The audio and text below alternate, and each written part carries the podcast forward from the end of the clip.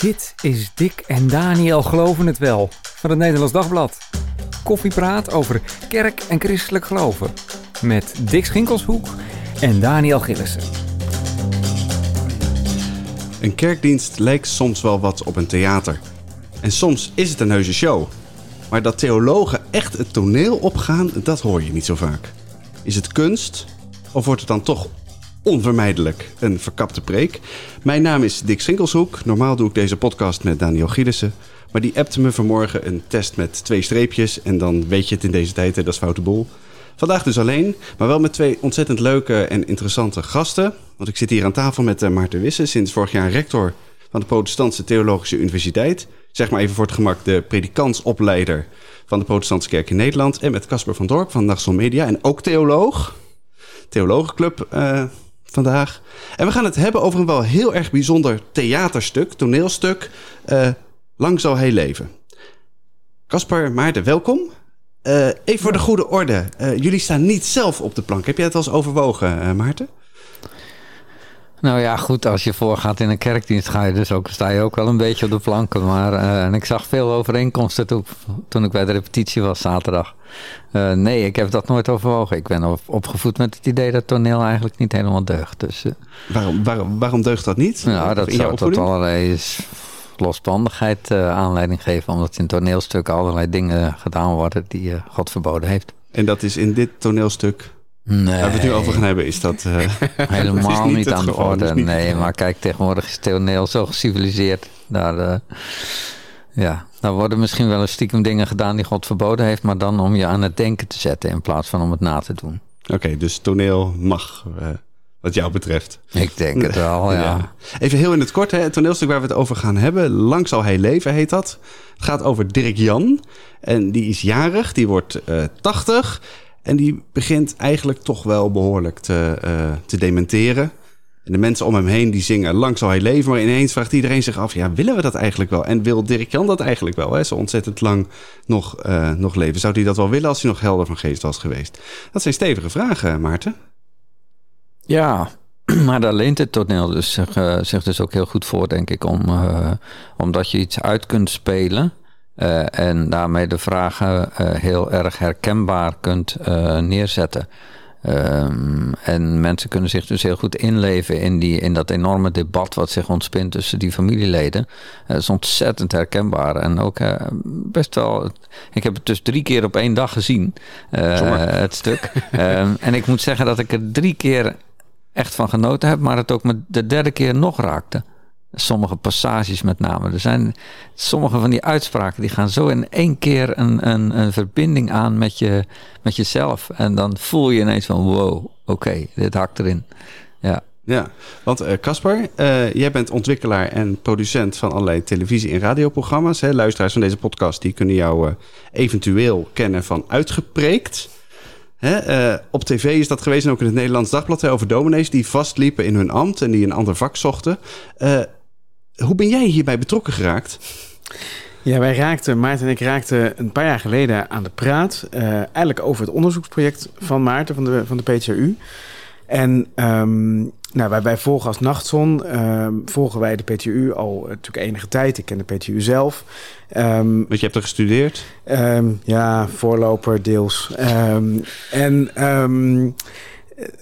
al, al, al denk het over zo'n zo'n groot onderzoeksproject... Uh, zaten wij bij Nachtzon te denken van ja, is het niet heel mooi als je van dat prachtige onderzoek doet om te kijken van hoe kan je dat nou nog meer voorbij alleen de valorisatiefase breed beschikbaar maken voor, voor de maatschappij. Omdat ik denk dat de vragen die in het onderzoek worden gesteld gewoon het gewone leven aangaan. Waarom ze alleen dan op de academie te laten plaatsvinden en niet gelijk al breed in de samenleving neer te leggen. Ja, want het gaat ook over jou en mij. Precies. Ja, ja, ja. En, en dat, kijk, uh, maar Maarten kan dat, kan dat veel beter uitleggen. Maar als natuurlijk in een, in een, in een samenleving die volop polariseert. Um, is het vaak, uh, merken we dat we weinig met elkaar in gesprek gaan, maar vooral heel erg over elkaar spreken. En vaak helemaal niet zo bewust zijn van nou daadwerkelijk de verhalen achter onze moreel-ethische standpunten. Nou, en dat is natuurlijk wat onder andere in het onderzoeksproject heel duidelijk naar voren komt. En uh, we dachten, nou, kan je dat niet al heel concreet in een theatervoorstelling. Uh, nou, als het gaat om een gesprek over euthanasie bij dementie, nou, kan je er niet een vorm voor vinden waarbij je dat gesprek vanuit de academie gelijk in de maatschappij laat plaatsvinden. Wie heeft het geschreven eigenlijk? Hoe, uh... Ja, mijn collega John, die heeft het geschreven. Zijn uh, Nachtzon uh, is een productiehuis, bestaat een jaartje of 17. Maakt inderdaad televisie, maar dus ook theater. En mijn collega John is een, een geweldige scriptschrijver en die kan zich echt nou ja, helemaal inleven in zo'n situatie. En die schrijft daar prachtige dialogen uit. En um, ja, dat, dat is heel grappig als ik dat mensen spreek na afloop van zo'n voorstelling. Die zeggen, ja, het lijkt wel of het over mijn familie gaat. Nou, dat is Ja. het mooiste compliment wat je kan krijgen. Ik wil zeggen, Maarten zelfs nog na drie keer werd, werd geraakt door, eh, Nou ja, door, die, het- eh, door die teksten. En het leuke is natuurlijk dat als je vanuit het project naar die dialogen kijkt, dan hoor je allemaal filosofische en ethische positie, eh, theologische positie, die hoor je allemaal langskomen. Maar eh, en dat als je dus een slechte scriptschrijver zou hebben, eh, dan zou dat. eh, dan zou dat mislukken. Ja, dan zou dat als plat zijn. Ja, dan, dan, dan, dan, dan zou je een soort discussie horen die eigenlijk een, een spel moet zijn. Maar John is een goede scriptschrijver. Dus, dus je merkt er eigenlijk, als je het niet weet, merk je er niks van. En je krijgt toch wel al die grote vragen mee. Die, en de verschillende oplossingen, die antwoorden die je erop zou kunnen geven. Dus het is ontzettend levendig, maar tegelijkertijd zet het je ook helemaal aan het denken. Eh, dus, Ja, ja. Heb je, hebben jullie zoiets wel eens eerder gedaan? Een, een toneelstuk? Nee, ik, ik kan me niet heugen dat, eh, dat dat aan de PTHU wel eens eerder gedaan is. Nee, dus eh, dat is ook het mooie natuurlijk door samen te werken. Dat je, ja, dat je, dat is goede samenwerking, denk ik. Dat je allebei vanuit je kracht iets inbrengt dat dan samen iets nieuws wordt. Want toen kwam Casper op een dag binnen en die riep... Jongens, weet je wat wij moeten doen? We moeten een toneelstuk gaan maken. En toen dachten jullie...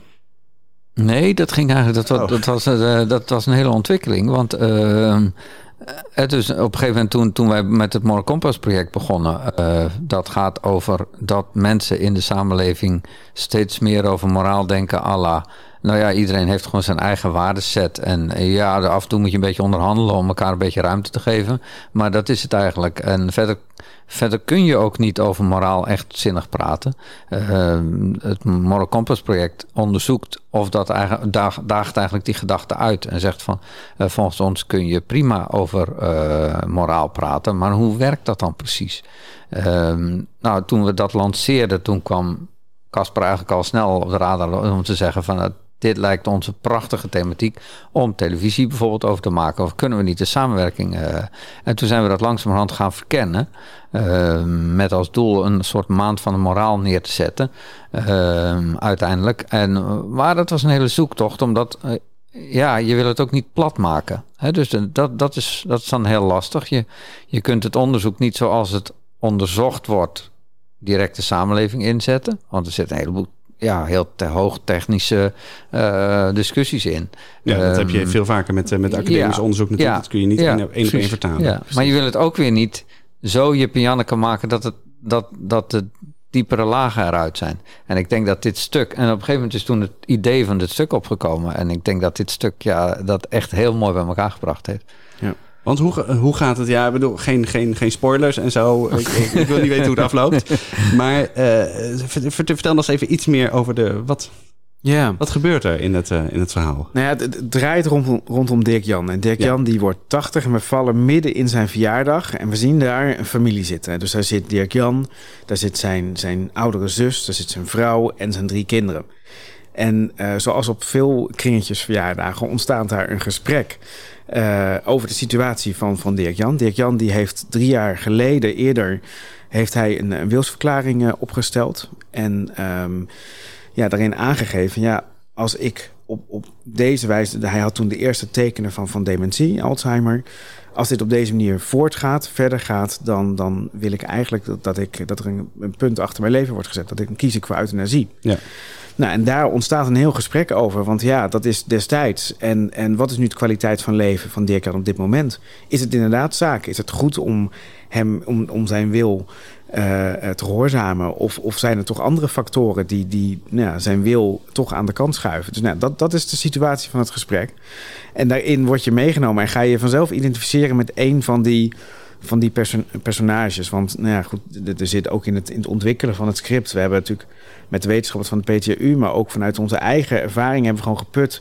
We hebben eigen ervaring op tafel gelegd. Ook de wetenschappers zeiden van ja, dit komt in mijn eigen familie voor. En nou, al pratend, al explorerend uit onze eigen ervaringen is dit stuk ontstaan. Want het is ook interactief. Klopt. Wat, ja. eh, wat moet ik me daarbij voorstellen? Mag Nou, je uit de zaal dingen gaan roepen? Nee, nee we hebben het, het, het verhaal is opgedeeld in drie eh, eh, akten. En eh, tussen elke akte is er een moment om met de zaal in gesprek te gaan. En dan laten we een kort filmpje zien waarbij een van de wetenschappers even duidt wat er zich zojuist heeft afgespeeld aan de hand van een quote uit het eh, toneelstuk.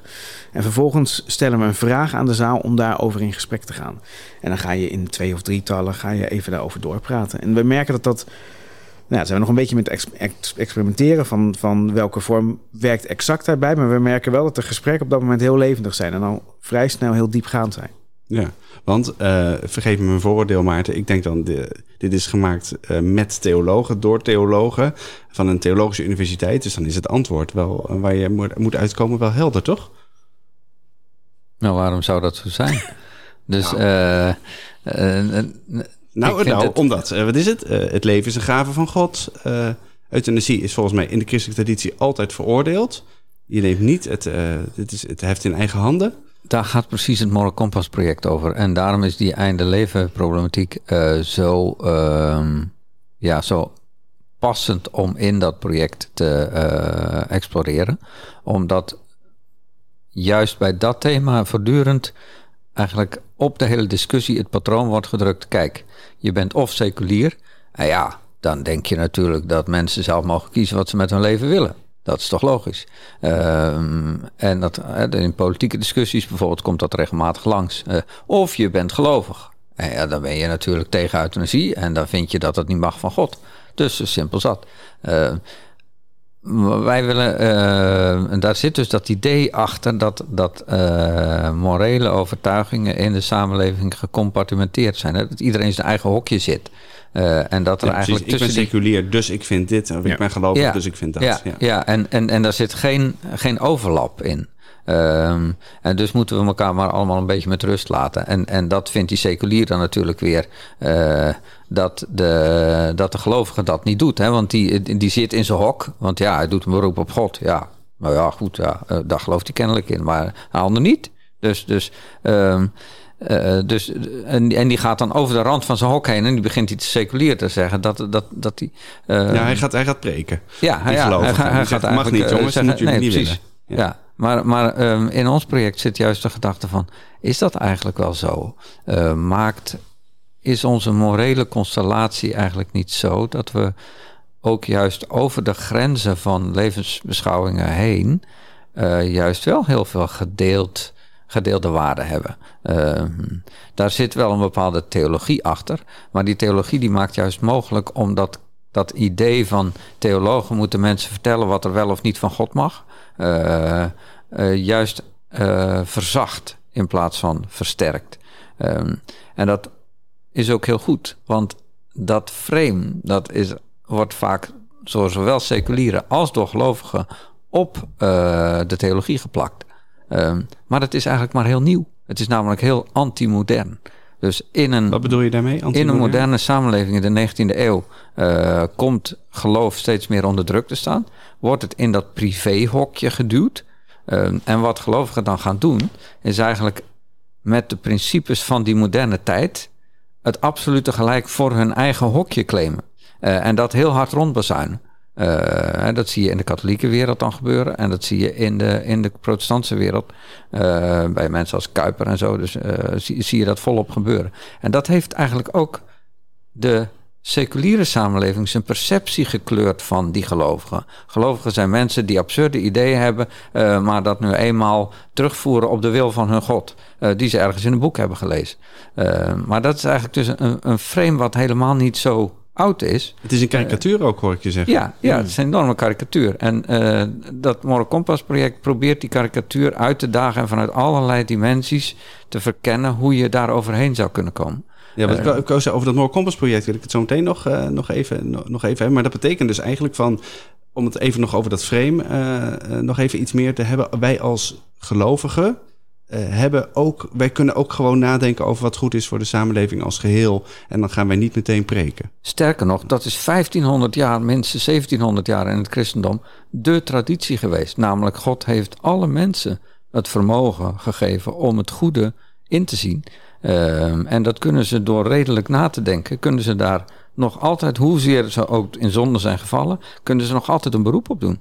Uh, dus ga maar met elkaar in gesprek. En daarom in zo'n toneelstuk gaan wij niet preken, maar er is wel iemand in het stuk die die gedachte van de wil van God verwoordt en daar ook argumenten bij geeft. Maar vervolgens komen er allerlei andere perspectieven, waardoor uh, allerlei andere argumenten eigenlijk in, in, in beeld komen. Ja.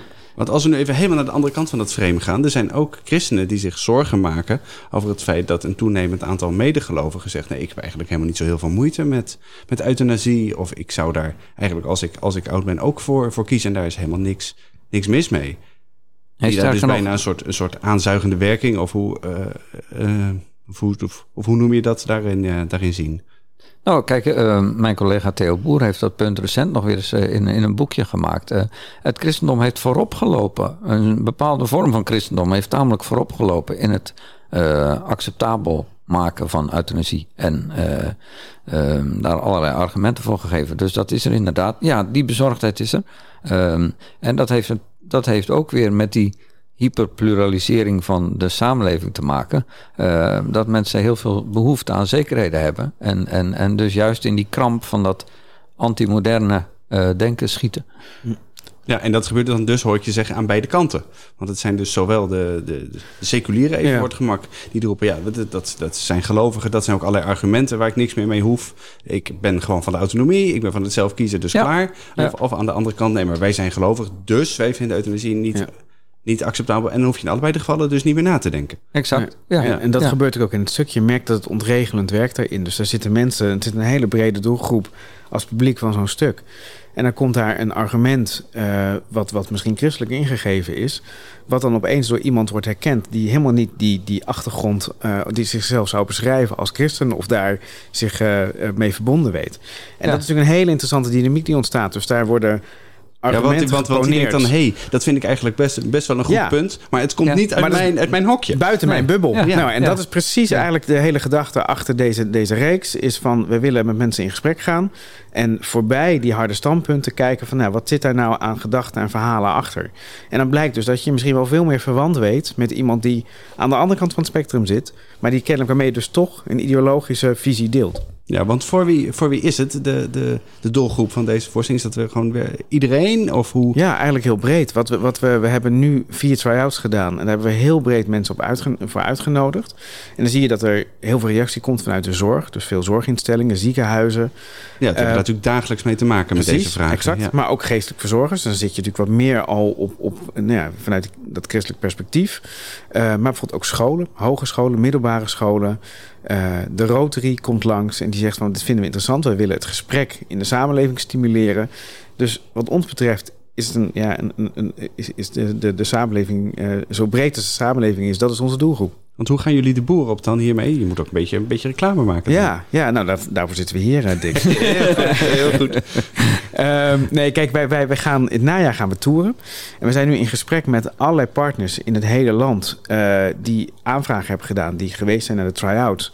om dus in de regio's dit toneelstuk uh, op te voeren. Voorbeeldje, de Radboud Universiteit in Nijmegen heeft gezegd... nou, we willen heel graag deze voorstelling hebben... Uh, op de, de Wereld Alzheimer Dag. Dan overdag nodigen we al het personeel van de Radboud uit... en s'avonds stellen we hem open voor gewoon publiek van Nijmegen... Maar bijvoorbeeld uh, ook een, uh, een, netwerk in Rotterdam, dat sprak ik uh, vanmorgen. Dat is een, een palliatief netwerk. Zegt, nou, we gaan samen met het ziekenhuis, samen met een kerk en met een school... gaan we twee voorstellingen beleggen.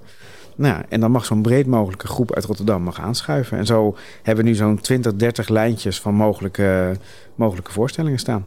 En de reguliere theaterprogrammering? Kom, kom je daartussen? Ja, daar gaat hij deels in, in mee. Maar ik denk dat vooral hier de kracht... Kijk, voor ons is het niet zozeer dat wij een mooie theatervoorstelling in het theater programmeren. Maar we willen vooral, en dat is misschien uh, naïef, uh, hoopvol... Uh, willen we gewoon heel graag dat gesprek stimuleren. Dus daarvoor is het wat ons betreft veel interessanter... om bij die, dat maatschappelijk middenveld aan te sluiten. Bij de lijntjes die er al zijn. Je moet aansluiten waar de mensen al zitten. Uh, en daar op die manier uh, de doelgroepen bij elkaar krijgen. En als dat inderdaad, we zullen spelen in theaters. En dan zal je misschien ook meegaan in de programmering. Maar het is natuurlijk heel mooi als dat via een ziekenhuis gaat of via een kerk. Of, ja. ja, want wanneer is het een succes wat jullie betreft? Nou, ik denk, er zit, zit ook iets speciaals in. Hè? Dus dat zeiden mensen ook die naar de try-out waren geweest. Omdat je die onderbrekingen hebt die eigenlijk niet... Uh, dus, dus je zit eerst in een soort esthetische modus. Dus je ondergaat die ervaring van dat meegaan in dat gesprek. Uh, en het is eigen aan kunst uh, dat het uh, levensbeschouwelijke vragen op een an, heel andere manier aan de orde kan stellen dan, dan, hè, dan, dan kerkdiensten of zoiets doen. Uh, ze smeren het niet dicht, ze laten het open. Dat is met dit stuk ook zo. Uh, dat maakt het ook sterk. Maar die, die onderbrekingen, die maken het eigenlijk ja, intellectueel en cognitief. Zo van, denk er eens over na, wat vind jij? Uh, en voor mij is het geslaagd als met name die combinatie heel goed tot stand komt. Uh, dat men, en, en dat zag ik ook al gebeuren. Dus, uh, en dat is ook even zoeken. Want, maar wat mensen ook teruggaven zaterdag is. we vinden het zo leuk dat we met mensen in het theater, waar je normaal gesproken het naar het theater gaan, is, doe je vaak met bekenden. Maar verder is het een tamelijk solistische. Uh, met jouw bekende ga je erheen en de rest spreek je niet.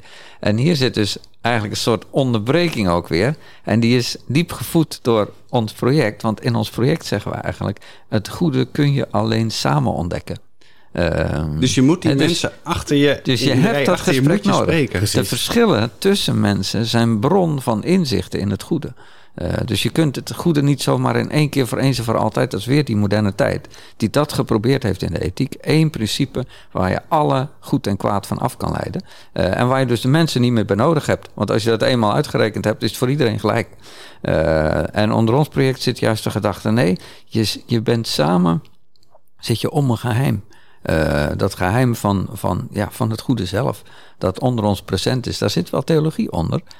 Maar dus heb je het gesprek nodig om met elkaar te ontdekken wat het goede is. In, in, in bepaalde concrete gevallen dus. Ja, ja, ja. ja, maar, in jouw situatie. Ja. Maar goed, maar jij bent theoloog. Uh, je kunt toch ook gewoon zeggen, nou, maar het goede, bedoel, dat, dat is een kwestie van de Bijbel lezen of uh, de christelijke traditie goed, goed bestuderen. Uh, daar heb ik toch helemaal geen andere mensen voor nodig.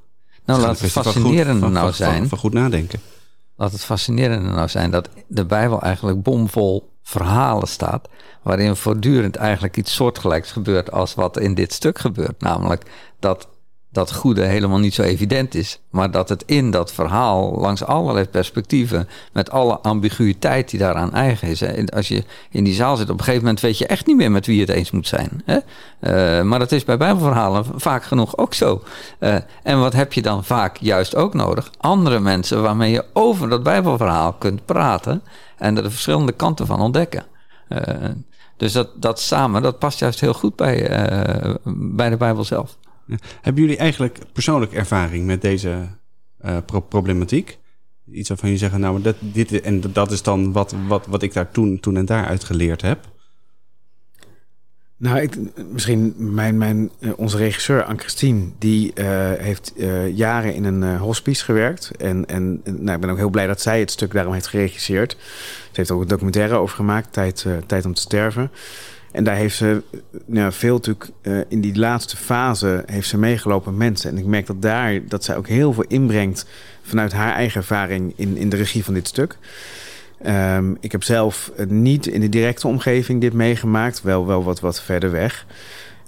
Um, maar ja, de thematiek, um, uh, juist omdat het zo'n zo'n zo'n zo'n heikel punt is, ook ik merk dat het Um, als je ook naar de kerk kijkt, van ik, ik merk heel hard dat dit, dit gesprekken zijn die je in de kerk bijvoorbeeld nauwelijks voert. Er wordt vaak dan of een, een duidelijk standpunt uh, over ingenomen, maar een echte gesprek over aangaan, dat, dat mis ik. Dus daar zit voor mij wel een, ook een persoonlijke behoefte uh, achter en, en omheen.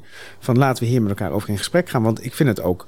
Um, ik vind het zelf ook niet zo, niet zo helder en duidelijk. Dus ik heb wel behoefte, dan gewoon maar even als kerkganger, nog los van, van theoloog zijn, om daar met, met mensen over door te praten, om daar uh, uh, je in uh, aan te scherpen. Ja, um, ik wil even naar dat, het Moral Compass project. Hè. Dat ligt hier eigenlijk gewoon als, een soort, als een soort vloertje onder. Hè, onder, -huh. onder deze, de, deze voorstelling. Er komen nog veel meer uh, wat is het? Het is initiatieven, onderzoeksprojecten uit, uh, uit voort. Wij hadden hier vorige week in de podcast hadden we Gijsbert van der Brink, hè, uh, collega van jou, Maarten, uit van de, van de VU. En toen hadden we het over het SCP-rapport, over afnemend godsgeloof, dat, dat net die week was, was verschenen. Dat zullen jullie mm -hmm. ook vast hebben meegekregen.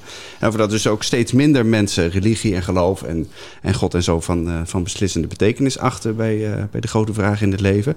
Um, wat betekent dat voor de voor de theologie. Kijk, ik bedoel, kijk, ik snap, uh, Maarten, dat jij zegt van kijk, wij, wij, wij zoeken naar een soort gedeelde grond. En die moet er misschien ook wel gewoon zijn. Het is een soort intuïtie, denk ik, waarmee -hmm. jullie dit hele project zijn begonnen. We kunnen nog wel degelijk met elkaar praten. Maar wat doet jou denken dat uh, de theologie en christelijk geloof daar een, uh, een, een, een, flinke duit in het zakje kan, kan doen?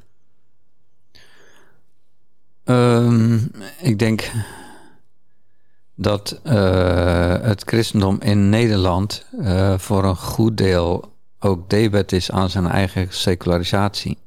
Uh, dat moet je even uitleggen. Dus ik, ik zie de soort van dynamiek in de Nederlandse samenleving rondom religie, noem ik vaak post-Calvinistisch. En waarom? als een van de weinige stromingen in het christendom doet het Calvinisme, zeker het moderne Calvinisme eigenlijk niet aan, uh, aan bruggetjes. Aan een brug tussen uh, kerkelijkheid en niet-kerkelijkheid. Het is een, uh, of je hoort erbij of je hoort er niet bij. Dat is typisch weer dat Abraham Kuyper fenomeen. De, dus de, de antithese. De, de antithese, de absolute ooit. tegenstelling tot, zij, tot, uh, tussen hen die bij Jezus horen en hen die niet bij Jezus Kerk horen. Kerk en wereld, geloof ja. en ongeloof. Ja. ja. Daar, daar, daar, en, je, daar, kan niet tussen, tussen gepraat worden. En opnieuw, dat is niet alleen maar iets wat in de onder gelovigen sterk leeft, maar van de weeromstuit is dat ook onder seculieren heel sterk gaan leven. Dus ofwel je hoort bij de kerk of je hoort er niet bij. Als je maar één deurtje verder gaat hè, naar buurlanden van ons. Uh, Duitsland, dan zie je ja. Duitsland, België. Uh, dan zie je heel andere, die zijn vaak ook ook weer op hun manier heel ingewikkeld, maar die zijn, uh, die zijn heel anders. Ieder land heeft zijn problemen. Dus, ja. dus, dus, dus, in Duitsland kun je um, prima uh, kerkelijk zijn zonder ooit naar de kerk te gaan. Nou, dat is in Nederland veel lastiger. Uh, dus wij hebben weinig uh, ja, culturele impact van het geloof in, de, in de samenleving. Um, en, en, en we vragen dan ook snel van, van wie ben jij dan? He, dus uh, een ethicus die, die een bepaald standpunt verdedigt, krijgt al snel de vraag: ja, maar hoor, nee, hoor jij nou bij Jezus, uh, bij de Jezus-fans? Uh, en, en dan ben je ook gelijk afgeschreven. Ja, precies, want dan hoef ik niks meer met jou. Nee, als, nee dan zit jij in een ander hokje dan ik. Ja. en natuurlijk vind jij dat dan. He, dus, dus ik denk dat in die, in die seculariserende beweging in Nederland wel meespeelt dat we elkaar, zowel gelovigen als ongelovigen, vaak ook een beetje in die hoek drukken. En dat heeft het onderzoek natuurlijk ook wel een beetje gedaan. Want, ja, want jij leest al dan, met, dan wel met die bril, zeg maar, zo'n zo'n SCP-rapport. Nou, dat SCP-rapport is natuurlijk voor een heel groot deel... Is dat een, zijn dat uh, onderzoeken die door de tijd heen gaan. En, en het zijn kwantitatieve onderzoeken. Dus dat betekent dat ze een stabiele vragenset gebruiken. die ze de hele tijd door laten lopen. En God in Nederland bijvoorbeeld is een onderzoek. Uh, dat zal sinds de jaren 50, meen ik, uh, draaien. Maar dat betekent tot op zekere hoogte uh, dat die vragen ook wel bepaald worden door de jaren 50. Namelijk, in welk hok zit jij? En kunnen we een aantal uh, zeg maar lakmoesproeven doen waarmee we bepalen in welk hok jij zit. Uh, hè, dus als ik in een persoonlijke God geloof, volgens het uh, God in Nederland, dan bid ik minstens één keer per dag, geloof ik. Uh, ik, ik, vrees dat ik misschien dan af en toe ook wel eens een dag mis, maar.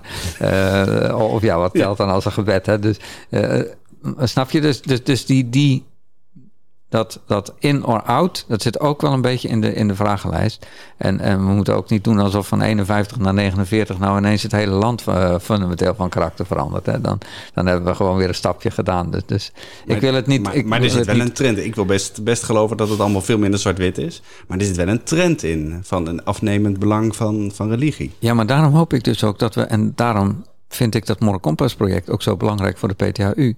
De kerk moet, moet uitvinden, en niet alleen maar met zijn hoofd uitvinden, maar ook met handelen uitvinden, hoe ze in zo'n samenleving uh, op een uitnodigende manier het geloof te sprake kan brengen. Zonder het weg te stoppen, Uh, want dat hebben we misschien in de kerk ook wel een beetje te veel gedaan. Of jezelf helemaal eerst aanpassen aan een soort seculier métier. En gaan we in de theologie soms een soort van geloof presenteren. Uh, waar, waar niks meer in zit. Uh, aan zonde, genade, vergeving. Want dat, dat, dat, slikt de seculiere cultuur allemaal niet. Maar ga je dan een paar liedjes luisteren uit de top zoveel... of je gaat een boek lezen of je gaat naar een film kijken... dan kom je ze allemaal tegen. Dus ik zeg soms wel eens, we moeten wel uitkijken... dat de cultuur niet al onze traditionele theologische thema's pikt... Uh, terwijl wij ons ervoor schamen. Dat de cultuur niet uh, soms christelijker wordt dan ja, de, dan de kerk. En, en, en dat meen ik echt. Dus Lady Gaga weet beter hoe de dogmatiek in elkaar zit soms dan... en wat er in de Bijbel staat dan sommige, sommige theologie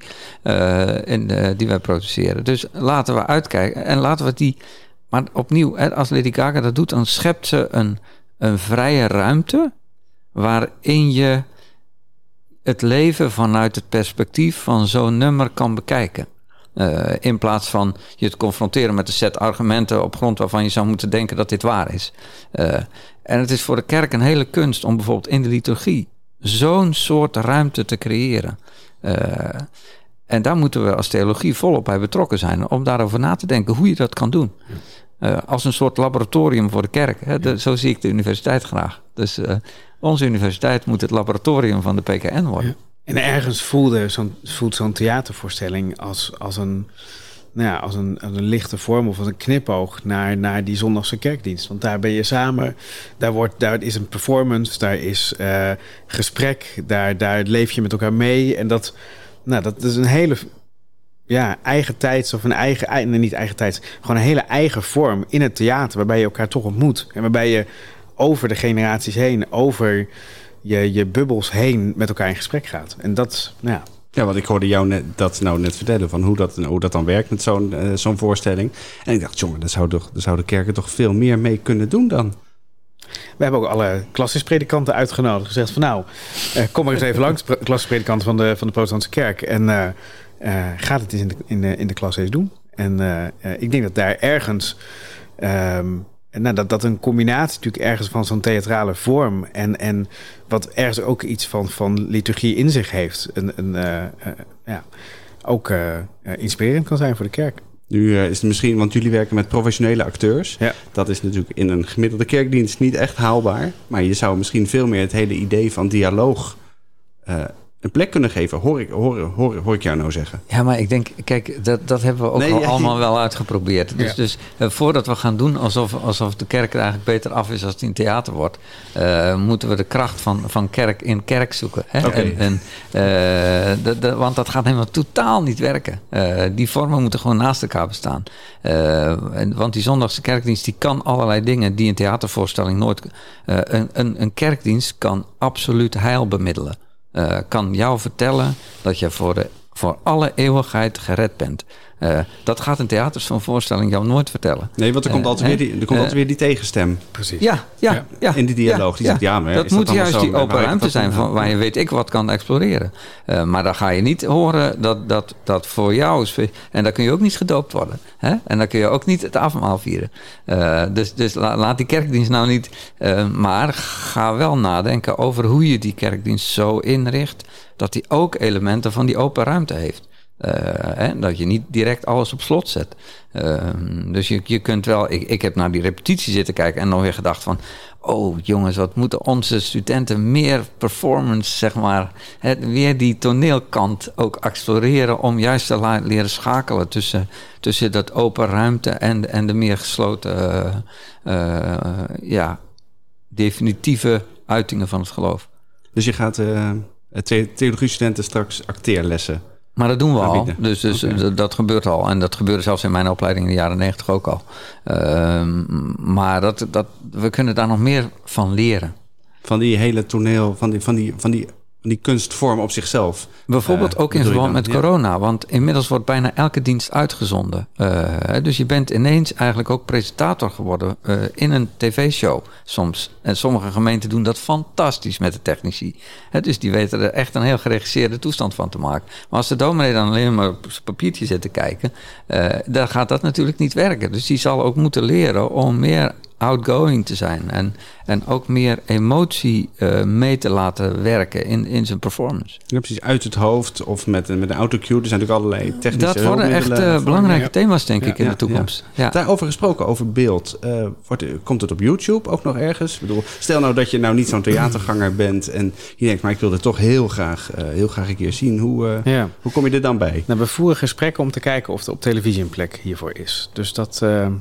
Je bent de eerste die het hoort, Dick. Kijk. Ja. Goed, nou, ik ben benieuwd. Hou me op de hoogte, Casper. Dat is, uh, dat is bijzonder. Um, en nog even, gaat het in het toneelstuk ook over het leven na de dood? De, de hemel, het leven na de aftakeling. Ik kan me voorstellen dat dat ook een, een belangrijk aspect is als het gaat om deze, om deze hele vragen. Nee, daar gaat het niet, niet concreet over. Nee nee nee, nee nee nee, Niet concreet? Wat, wat bedoelen jullie dat daarmee? Dat is voor de sequel, denk ik. Ja, precies. precies. We, moeten, we moeten wat overhouden voor zometeen. Ja, precies. Ja, ja. Nou, ik vond het echt ontzettend inspirerend om jullie hierover te spreken. Dank jullie wel, uh, Maarten en Casper. Uh, Lang zal hij leven. Mag ik dat nou de oude dementerende Dirk Jan nu toewensen of, uh, of niet? Wat is een goede, en ik mag misschien ook wel zeggen, christelijke manier om naar de dood te kijken hè, en naar uh, het levenseinde? Want kunnen theologen en eigenlijk alle gelovigen nu bijdragen aan dat, aan dat gesprek hè, daarover? Dat niet alleen in de Tweede Kamer gevoerd wordt in de zin van een politiek debat, maar ook gewoon nou, waar eigenlijk iedereen wel een keertje mee te maken krijgt, kan ik me zo voorstellen. Ik ben heel blij dat jullie uh, konden aanschuiven aan tafel om het hierover te hebben. Vertel, nog heel even, Casper. Uh, waar kan ik nou alles over deze voorstelling uh, terugvinden en misschien ook wel kaartjes boeken en zo? Op de website van de PTU kan je meer informatie vinden en daar kan je ook aanvraag doen om door te praten over eventueel een voorstelling bij jou in de buurt. En dan gaat het allemaal vanaf het najaar gaat dit lopen. Exact. Nou, ik ben heel erg benieuwd. En uh, nu we toch met de zakelijke mededelingen bezig zijn, uh, vond je dit nou een boeiende podcast? En vind je het inspirerend en belangrijk wat wij doen bij het Nederlands Dagblad? Je kunt heel makkelijk een abonnement nemen. Dat kan al voor 1,75 euro per week. Daarmee blijf je bij en helpen wij je nadenken over wat er in de kerk en in de wereld allemaal gebeurt. Bedankt voor het luisteren. Reageren kan zoals altijd via dik en daniel.nd.nl. En tot volgende week.